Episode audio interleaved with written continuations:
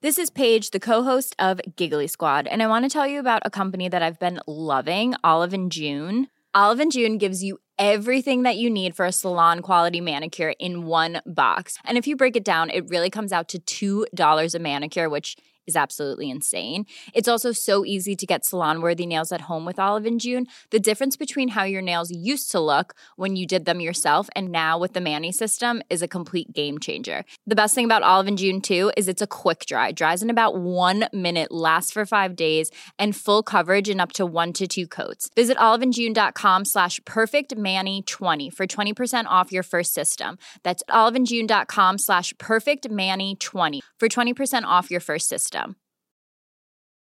A lot can happen in three years, like a chatbot may be your new best friend. But what won't change? Needing health insurance. United Healthcare Tri Term Medical Plans, underwritten by Golden Rule Insurance Company, offer flexible, budget friendly coverage that lasts nearly three years in some states. Learn more at uh1.com. There's never been a faster or easier way to start your weight loss journey than with PlushCare. PlushCare accepts most insurance plans and gives you online access to board-certified physicians who can prescribe FDA-approved weight loss medications like Wigovi and Zepbound for those who qualify. Take charge of your health and speak with a board-certified physician about a weight loss plan that's right for you. Get started today at plushcare.com slash weight loss. That's plushcare.com slash weight loss. plushcare.com slash weight loss. Rigide rollegrenser betyr at medlemmene i familien har fått tildelt forskjellige roller som de ikke kan unnslippe. Det kan hemme både familien og individet med hensyn til selvrealisering, identitetsdannelse og vekst. I noen familier blir den enkelte tillagt en bestemt rolle. Slike roller kan være utviklende og utfordrende for individet, men fastlåste rollemønstre i en familie kan også hemme både familien og enkeltindividets muligheter for utvikling og vekst. I denne episoden skal jeg se litt på hvilke psykologiske mekanismer som ligger bak familier hvor familiemedlemmene på sett og vis fanges av bestemte forventninger og roller som begrenser livet og hindrer selvrealisering. Den kjente familien, Soprano, tjener som et eksempel på en familie som sliter med psykisk ubehag som følge av ganske rigide relasjonsmønstre. I små samfunn hender det at det oppstår et fenomen som kalles for bygdedyret, det er et slags eh, usynlig dyr som skaper en viss uro og misstemning i lokalsamfunnet. Psykologisk sett forstår man gjerne bygdedyret som en eh, samling uakseptable følelser, impulser og stilltiende konflikter mellom menneskene som ingen vil erkjenne eller snakke om. De følelsesmessige problemene blir derfor diffuse og vanskelig å definere, og for å gi problemene et ansikt snakker man om bygdedyret. I familier kan man se den samme tendensen. Det er på sett og vis et eh, psykologisk ubehag som ligger i relasjonen mellom familiemedlemmene, men som ingen våger eller klarer å sette ord på. I slike sammenhenger hender det at eh, de uakseptable følelsene blir plassert hos ett av medlemmene, som på den måten blir ansiktet på familiens problemer. I en familieterapeutisk prosess oppdager vi at eh, den yngste jenta i en familie fungerte som familiens klovn. Det er typisk Lisa, ble det sagt hver gang noe ble gjort feil eller ble oppfattet som dumt eller latterlig. Lisa levde rollen som klovn. Hun kom til å oppfatte seg selv som eh, mindre flink enn de andre, og på den måten ble følelsen av å ikke være god nok lagt på Lisas skuldre. På skolen og i livet for øvrig hadde Lisa alltid en slags eh, subtil opplevelse av å være dummere enn de andre. I virkeligheten var hun svært intelligent og sannsynligvis talentfull på en rekke områder, men talentene og de gode egenskapene ble ikke utviklet fordi Lise hadde en fastgrodd oppfattelse av å være indisponert og dum. Så lenge de andre i familien kunne se seg selv som bedre enn Lisa, slapp de selv fri for den ubehagelige følelsen av å ikke være god nok. På lignende måte kan familier tillegge enkeltmedlemmer bestemte roller. Individet blir på sett og vis pressa inn i disse rollene uten at man bevisst sett legger merke til at det skjer. Når dette foregår over tid, vil individets selvoppfattelse bli farget av denne bestemte rollen, og det kan i verste fall hemme vedkommendes muligheter til å realisere seg selv. Eksempler på slike subtile rollemønstre kan være forsterkende konvensjonelle kjønnsroller, som betyr at visse oppgaver, rettigheter, sosial status etc. er knytta til biologisk kjønn. Når familien belemres med en form for dysfunksjonell forvaltning av følelser og konflikter, kan det også hende at det blir fastlagt hvem som skal eh, føle forskjellige følelser, hvem som skal dele ut straff, hvem som bestemmer eller hvem som skal være familiens eh, sorte får, osv. Når familier ikke klarer å snakke om de mellommenneskelige konfliktene og følelsesmessige ubehaget på en åpen måte, hender det at det rigide rollemønsteret blir løsningen. Familien slipper å ta inn over seg vanskelige temaer, men det går ofte ut over enkeltindividets muligheter for å utfolde seg og utvikle sine egenskaper i konstruktive retninger. Et eksempel på en familie som undergraver emosjonelle behov gjennom et fastlåst kjønnsrollemønster, er Sopranos. Sopranos er en prisbelønna amerikansk TV-serie som ble vist i USA i perioden mellom 1999 og 2007. Serien handler i hovedsak om familiefaren og mafiasjefen Tony Soprano og de problemene han må hanskes med både på hjemmebane og i rollen som sjef over en gjeng svært maskuline menn i New Jersey mafiamiljø. Det viser seg at Tony blant annet sliter med panikkangst som følge av et komplisert forhold til sin hensynsløse og egosentriske mor. I sitt daglige virke tilintetgjør han alle de som måtte stå i hans vei, mens denne strategien ikke kan benyttes på hans egen mor. Dermed hoper det seg opp en rekke emosjonelle konflikter som ikke finner sin løsning. Et ambivalent forhold til mor, preget av en kaotisk blanding av sinne, underkastelse og skyld, rulles opp og gir mafiabossen et litt uvant ansikt. Gradvis angriper disse indre konfliktene ham i form av angst og panikkanfall, hvorpå han oppsøker en psykoterapeut. Kanskje kan man si at terapeutens mål er å løse Tony fra et mønster hvor han undergraver sine sårbare sider ved å ha makten. Hans rolle er alfamel i flokken, og det betyr at sårbare følelser må unnvikes for å beholde sin posisjon i et maskulint miljø. Prisen han betaler er et undertrykt følelsesliv som kommer til uttrykk i panikkangst. Hans dominante væremåte preger også hans forhold til sin sønn, mens hans datter og kone forsøker å frigjøre seg fra kvinnenes underdanige plass gjennom ulike typer opprør. På sett og vis forsøker de å erobre sin selvstendighet som kvinner i et moderne Amerika, men serien viser at det fastlåste rollemønsteret er vanskelig å bryte. Psykologisk sett kan det virke som om Tony har vokst opp med en selvsentrert mor og en tyranniserende far som for øvrig også var mafiaboss. Tony går i psykoterapi, og i noen av sesongene får vi et innblikk i Tonys barndom. Vi får et bilde av en turbulent oppvekst med få trygge holdepunkter. For å overleve usikkerheten kan det virke som om Tony har tatt etter sin far og sørget for å være på toppen av rangstigen for å dempe utryggheten. Når han har all makt, kan ingen ta ham eller komme så nært innpå at de avslører hans sårbarhet. På den måten blir det psykologisk viktig for Tony å beholde sin maktposisjon, men det betyr også at han må holde følelser og emosjonelle konflikter på avstand, og det resulterer i angst. I familien betyr denne rollefordelingen at hans sønn også kommer i konflikt. Sønnen vil aldri kunne vinne over sin far, det kan ikke Tony tillate, men han høster heller ikke farens respekt hvis han bøyer seg og gir etter.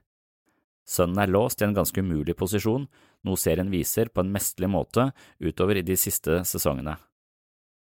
I boken The Psychology of Sopranos, Love, Death, Desire and Betrayal in America's Favorite Gangster Family gir den velrenommerte psykiateren Glenn O. Gabbard en innføring i Sopranos-psykologi. Han har dessuten uttalt at så godt som alle av de 400 amerikanske filmene med psykiatri og psykoterapi som tema lyver, fordreier og mytologiserer. Vi terapeuter har ventet svært, svært lenge på noe som ligner litt på det som skjer på våre kontorer. Og med det mener han altså at uh, Sopranos er blant de få seriene som faktisk uh, portretterer en psykoterapeuts uh, daglige virke på en ganske god måte. Sopranos får altså gode skussmål hva gjelder autentisitet i forhold til psykoterapi. Jeg nevner serien her fordi den også har veldig mye annet å by på. I denne sammenhengen er den et eksempel på en maskulin og til dels kjønnsdiskriminerende livsorientering som skaper ulike typer problemer for familiemedlemmene. I Tony sitt virke som mafiaboss finner vi en organisasjonskultur bygd på maskuline og til dels truende sjefer som forlanger total lojalitet fra sine undersåtter i bytte mot beskyttelse, status, fundert på fryktsomhet og visse goder fra det kriminelle utbyttet. I moderne tid kan dette fremstå som primitivt og umodent. En rigid rollefordeling sørger for en helt bestemt maktbalanse, og det undergraver individets frihet og muligheter. Vi ser at omkostningene er store, og serien er svært interessant fordi den også fokuserer på Tony og familien i et psykologisk perspektiv. I noen familier blir den enkelte altså tillagt en bestemt rolle. Slike roller kan være utviklende for individet, men fastlåste rollemønstre i en familie kan også hemme både familien og enkeltindividets muligheter for utvikling og vekst. Noen familier har en klovn, noen familier har en som alltid mislykkes, og noen familier har en sjef som bestemmer alt. Her følger en liten oppsummering av dagens episode i form av en del spørsmål. Hvis du svarer ja på disse påstandene eller spørsmålene, så kan det hende at du er fanget i et familiesystem som sliter med litt for rigide rolleforventninger. Så her kommer det også en slags oppsummering i påstandsform. Punkt 1. Ligger det noen stilltiende forventninger i familien som styrer måten man er på? Er det rom og aksept for å være seg selv i familien? Har mor og far delt oppgaver mellom seg på en måte som kan virke urettferdig i et eh, likestillingsperspektiv? Får alle være med og bestemme i familien? Er det noen som stadig utsettes for eh, mer fleip enn andre? Er det noen som kritiseres eller får mer kjeft enn andre? Har mor eller far problemer med å innpasse seg i rollen som foreldre? Jobber mor eller far så mye at de ikke har tid til familien? Dersom du mistenker at din familie er låst fast i noen spor og noen bestemte rollefordelinger som ikke er heldige, kan det være lurt å skaffe seg litt innsikt i ulike familiemønstre. Når vi forstår en del av hvilke dynamikker som kan oppstå i en familie, har vi muligheten til å identifisere det i vårt eget hjem. Hvis vi kan se og forstå mønstre som legger beslag på familiemedlemmene på en destruktiv måte, kan vi også gå aktivt inn for å skape endringer. Når vi ikke ser hva som skjer, er det sannsynlig at konfliktene og problemene bare øker på. Nå skal jeg spille av et eh, kort klipp fra 2012 igjen. Det er et foredrag jeg holdt for eh, pasienter på en psykiatrisk avdeling. Det er tidlig mandag morgen, og jeg er forholdsvis uerfaren som foredragsholder, men jeg forsøker likevel å si noe fornuftig om familier med rigid rollefordeling eller foreldre som ikke fungerer i rollen. Noe som da så selvfølgelig blir en slags eh, gjentagelse av det jeg allerede har eh, sagt, men eh, det er jo et forholdsvis komplisert fenomen, dette med familiedynamikker, så her kommer da en liten oppsummering, en litt mer muntlig form. Neste familiekonstellasjon er det man kan kalle familier med rigid rollefordeling. Eh, og det beste eksempelet på det er Sopranos, hvis noen har sett det. Eh, det er ikke så mye likestilling i, i, i Sopranos.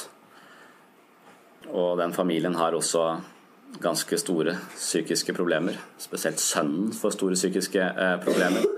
Fordi han har en sånn macho-far som ikke har plass til følelser i sitt liv. For det, det er ikke sånn det skal være i mafialivet. Men Soprano sliter jo selv med panikkangst. Så det er et eksempel med, på familier hvor, hvor kjønnsrollemønsteret er veldig sånn mannen eh, er på toppen eh, eh og bestemmer. Man ser ofte noen, øh, også i dag at det er som, øh, fortsatt øh, litt sånne stereotype kjønnsrollemønster i mange, i mange familier. Og når, når jeg snakket i stad om at jeg får mor og datter på kontoret og de aldri nevner far, så, det så, så, hender det at det er fordi far er, far er på jobb, og far har så viktig jobb, og han har ikke tid. Så, så dette med å med, med at, at en, en, av foreldrene kan også være, være mor, altså som, som, gjemmer seg bak jobben og det å tjene penger inn til familien som en slags legitimering at de ikke stiller nok opp for eh, barna sine eller for parforholdet. Eh, og, og, dermed så forsømmer de en viktig del. altså De forsømmer familielivet til fordel eh, eh for jobben. Og det er på en måte legitimt. Det er greit, for den er så viktig, denne, denne, denne jobben. Så neste kaller da foreldre, foreldrerollen er inadekvat. Et, et, eksempel på dette er en som heter Petter. Eh, han hadde eh, en ganske distansert far, eller han hadde en far som jobba eh, i Nordsjøen. Han var ingeniør, veldig høy stilling i Nordsjøen, tjente masse masse penger. Og han jobba turnus. da. Han jobba, var ute i tre uker, og så var han hjemme et, et par uker. Jeg vet ikke hvordan turnusen, han var, turnusen hans var. Men helt fra Petter ble født, så var eh, pappa borte i lengre perioder, og så kom han hjem. Når han kom hjem, så var han så sliten. Eh, og litt sånn som eh, han Albert Aaberg sin pappa, han gjemte seg bak avisa. Jeg vet ikke om han røyka pipe, men det jo pappaen til Albert Aaberg. Det er ikke skrevet en bok. En av de der kameratene til Knausgård skrev en bok om hvordan det gikk med Albert Aaberg som voksen. Og han ble rusmisbruker. Ifølge den Jeg lurer på om det er laget en film om da. Eh, så denne hyggelige serien om Albert Aaberg, som har usynlige venner fordi at eh, pappaen ikke ser han, eh, det, det gikk ikke så Det gikk visst ikke så greit. Men denne faren er et veldig typisk eksempel på, en, på, at man gjemmer seg bak jobben å, som en unnskyldning for ikke ta seg av forholdet til barna på en, på en god nok måte. Så når, eh, det, det, som skjer med Petter, er at han, han, eh, barn trenger oppmerksomhet fra foreldrene sine. Eh, det er noe av det viktigste vi har. Vi, vi, blir mennesker gjennom foreldrene våre, foreldrenes tilbakemeldinger. Se meg, se meg, fortell meg hvem jeg er, fortell meg at jeg er flink. Så ros og oppmerksomhet gir barn en solid grunnmur, gir dem en solid selvfølelse som de kan bygge et godt liv på. Det å bli ignorert eller ikke sett eller jeg har ikke tid til eh, barna, kan ofte gi barna den motsatte følelsen av å, av å ikke være viktige, av å, å, komme i andre rekke, av å være til bry, og kan ofte eh, anstifte følelser av verdiløshet eller skam. Eh, det som skjedde med Petter, var at han blei etter hvert eh, fly forbanna på faren sin, for han ble jo ikke sett. Han ønsket oppmerksomhet fra pappa, men pappa så meg, så meg ikke. Eh, så etter hvert så blir han rasende på faren sin. Og som barn da så vil følelsen av å være rasende er farlig. Fordi at barn, til dels voksne også, vet ikke at følelser er noe som på en måte bare viser oss noen Følelser er noe som kommer og går. Følelser er ikke noe som definerer oss som mennesker, men for barn så blir følelser veldig ekte. Så hvis jeg føler et raseri mot noen, så kan jeg tenke at jeg vil drepe vedkommende og det kan gjøre meg til en drapsmann, nærmest. Så raserifølelsen er ikke noe som bare man kan se på uff, når jeg er forbanna, øh, det går sikkert over. Men det er jeg er en stygg person, jeg er rasende, jeg kan komme til å drepe pappa, men jeg elsker jo pappa. Øh, og der oppstår det følelsesmessige konflikter. Petter blir ikke sett, han blir rasende fordi han ikke blir sett, og så får han en ekstrem skyldfølelse fordi at han er så sint på pappaen sin. Og da begynner Barn er veldig lett for å ta ting Ever catch yourself eating the same flavorless dinner three days in a row? Dreaming of something better? Well, HelloFresh is your guilt-free dream come true, baby. It's me, Kiki Palmer. Let's wake up those taste buds with hot, juicy pecan-crusted chicken or garlic butter shrimp scampi. Mm. Hello Fresh. Stop dreaming of all the delicious possibilities and dig in at HelloFresh.com. Let's get this dinner party started. Quality sleep is essential. That's why the Sleep Number Smart Bed is designed for your ever evolving sleep needs. Need a bed that's firmer or softer on either side? Helps you sleep at a comfortable temperature? Sleep Number Smart Beds let you individualize your comfort so you sleep better together. JD Power ranks Sleep Number number 1 in customer satisfaction with mattresses purchased in-store. And now, save 50% on the Sleep Number limited edition Smart Bed for a limited time. For JD Power 2023 award information, visit jdpower.com/awards. Only at a Sleep Number store or sleepnumber.com. A lot can happen in the next 3 years. Like a chatbot may be your new best friend. But what won't change? Needing health insurance. United Healthcare tri-term medical plans are available for these changing times Underwritten by Golden Rule Insurance Company, they offer budget-friendly, flexible coverage for people who are in between jobs or missed open enrollment. The plans last nearly three years in some states, with access to a nationwide network of doctors and hospitals. So for whatever tomorrow brings, United Healthcare Tri-Term Medical Plans may be for you. Learn more at uh1.com. eller de er veldig selvhenførende i tolkningene sine. De vil ofte tolke ting eh, i forhold til seg selv. Og etter hvert så begynte Petter å tenke at eh, det er ikke rart at pappa ikke vil være sammen med meg, jeg som er en sånn stygg person, jeg som er så rasende, jeg som er så slem. Eh, så han tolket altså dette, denne fraværende pappaen som en naturlig reaksjon på at han ikke på at han var en slem, slem gutt og det, det, som skjer da med, med, Petter, er at jeg, jeg, vet ikke om Petter blir rusmisbruker, sånn som Albert Aaberg, men Petter blir deprimert som voksen. Og det er fordi at Petter tåler ikke raseri.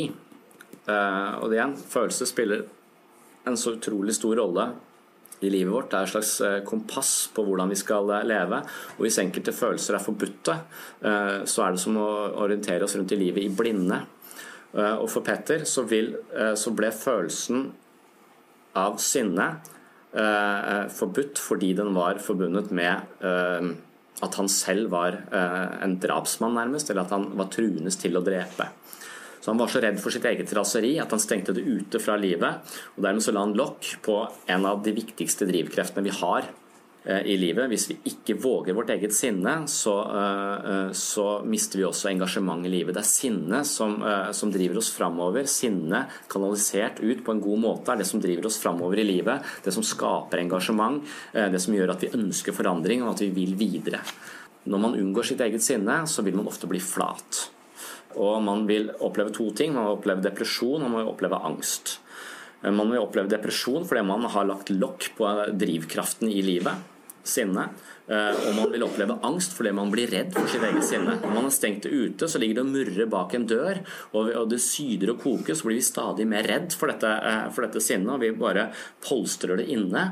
Og men også, også er symptomet at jeg er redd for å klikke, eller at jeg er redd for å bli gal, eh, eller jeg er redd for å utagere. Så man, man bruker et liv på å unngå sitt eget, eh, sitt eget sinne. Og hver gang Petter ble irritert, for alle mennesker blir jo irriterte, så var han ikke i kontakt med at han ble irritert, men han ble lei seg. Fordi at han fra liten begynte å tolke sinne på feil måte. Han begynte å tolke sinne som tegn på at han selv ikke var god nok, så han begynner å tolke sinne på en depressiv måte. Så hver gang han blir irritert, så blir han bare mer depressiv. Irritasjon er ikke sånn 'åh, dette skal jeg gjøre noe med, nå skal jeg skape forandring', siden at man blir lei seg og nedtrykt og irritert på seg selv i beste fall. Eller i verste fall, egentlig.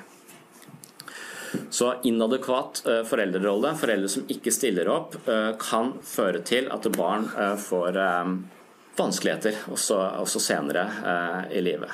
Men det handler igjen veldig ofte om det å være til stede, det å se, det å speile og det å våge å, å være til stede følelsesmessig sammen med andre.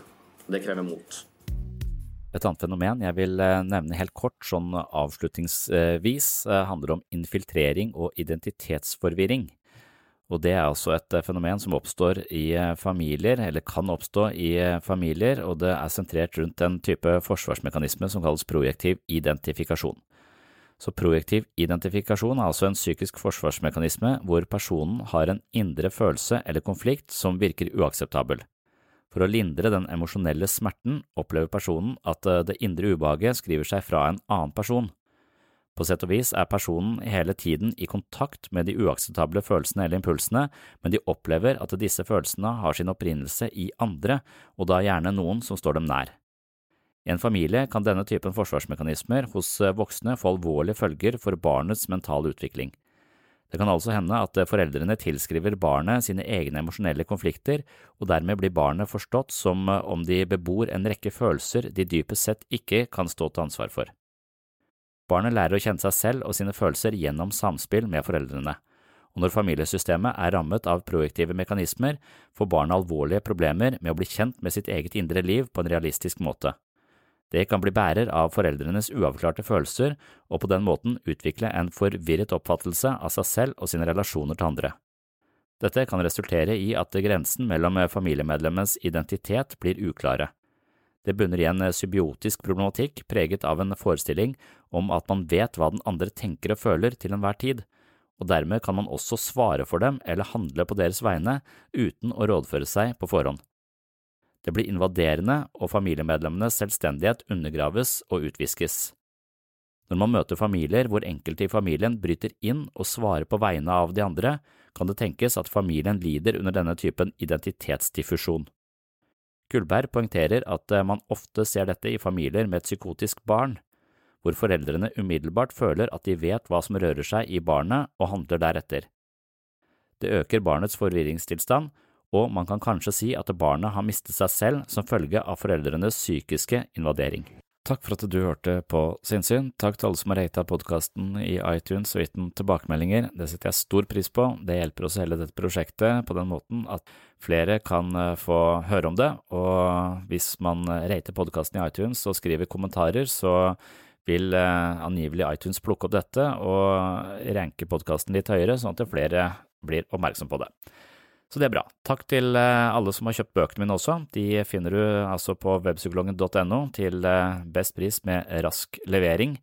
Det er jo den eh, måten jeg har en form for inntekt på dette prosjektet, det er hvis folk kjøper det jeg har skrevet om menneskets indre liv.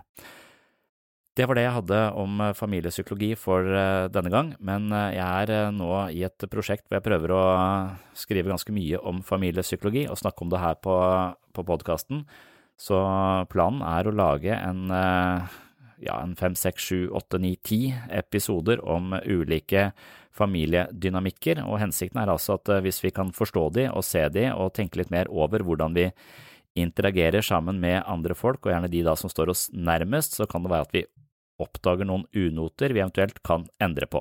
Og For å oppdage de unotene så må vi vite litt om disse familiedynamikkene, og det er altså tema i eh, denne og kanskje de kommende episodene her på Sinnsyn. Så hvis du er interessert i familiepsykologi, så må du bare stay tuned og heng på i neste episode. På gjenhør!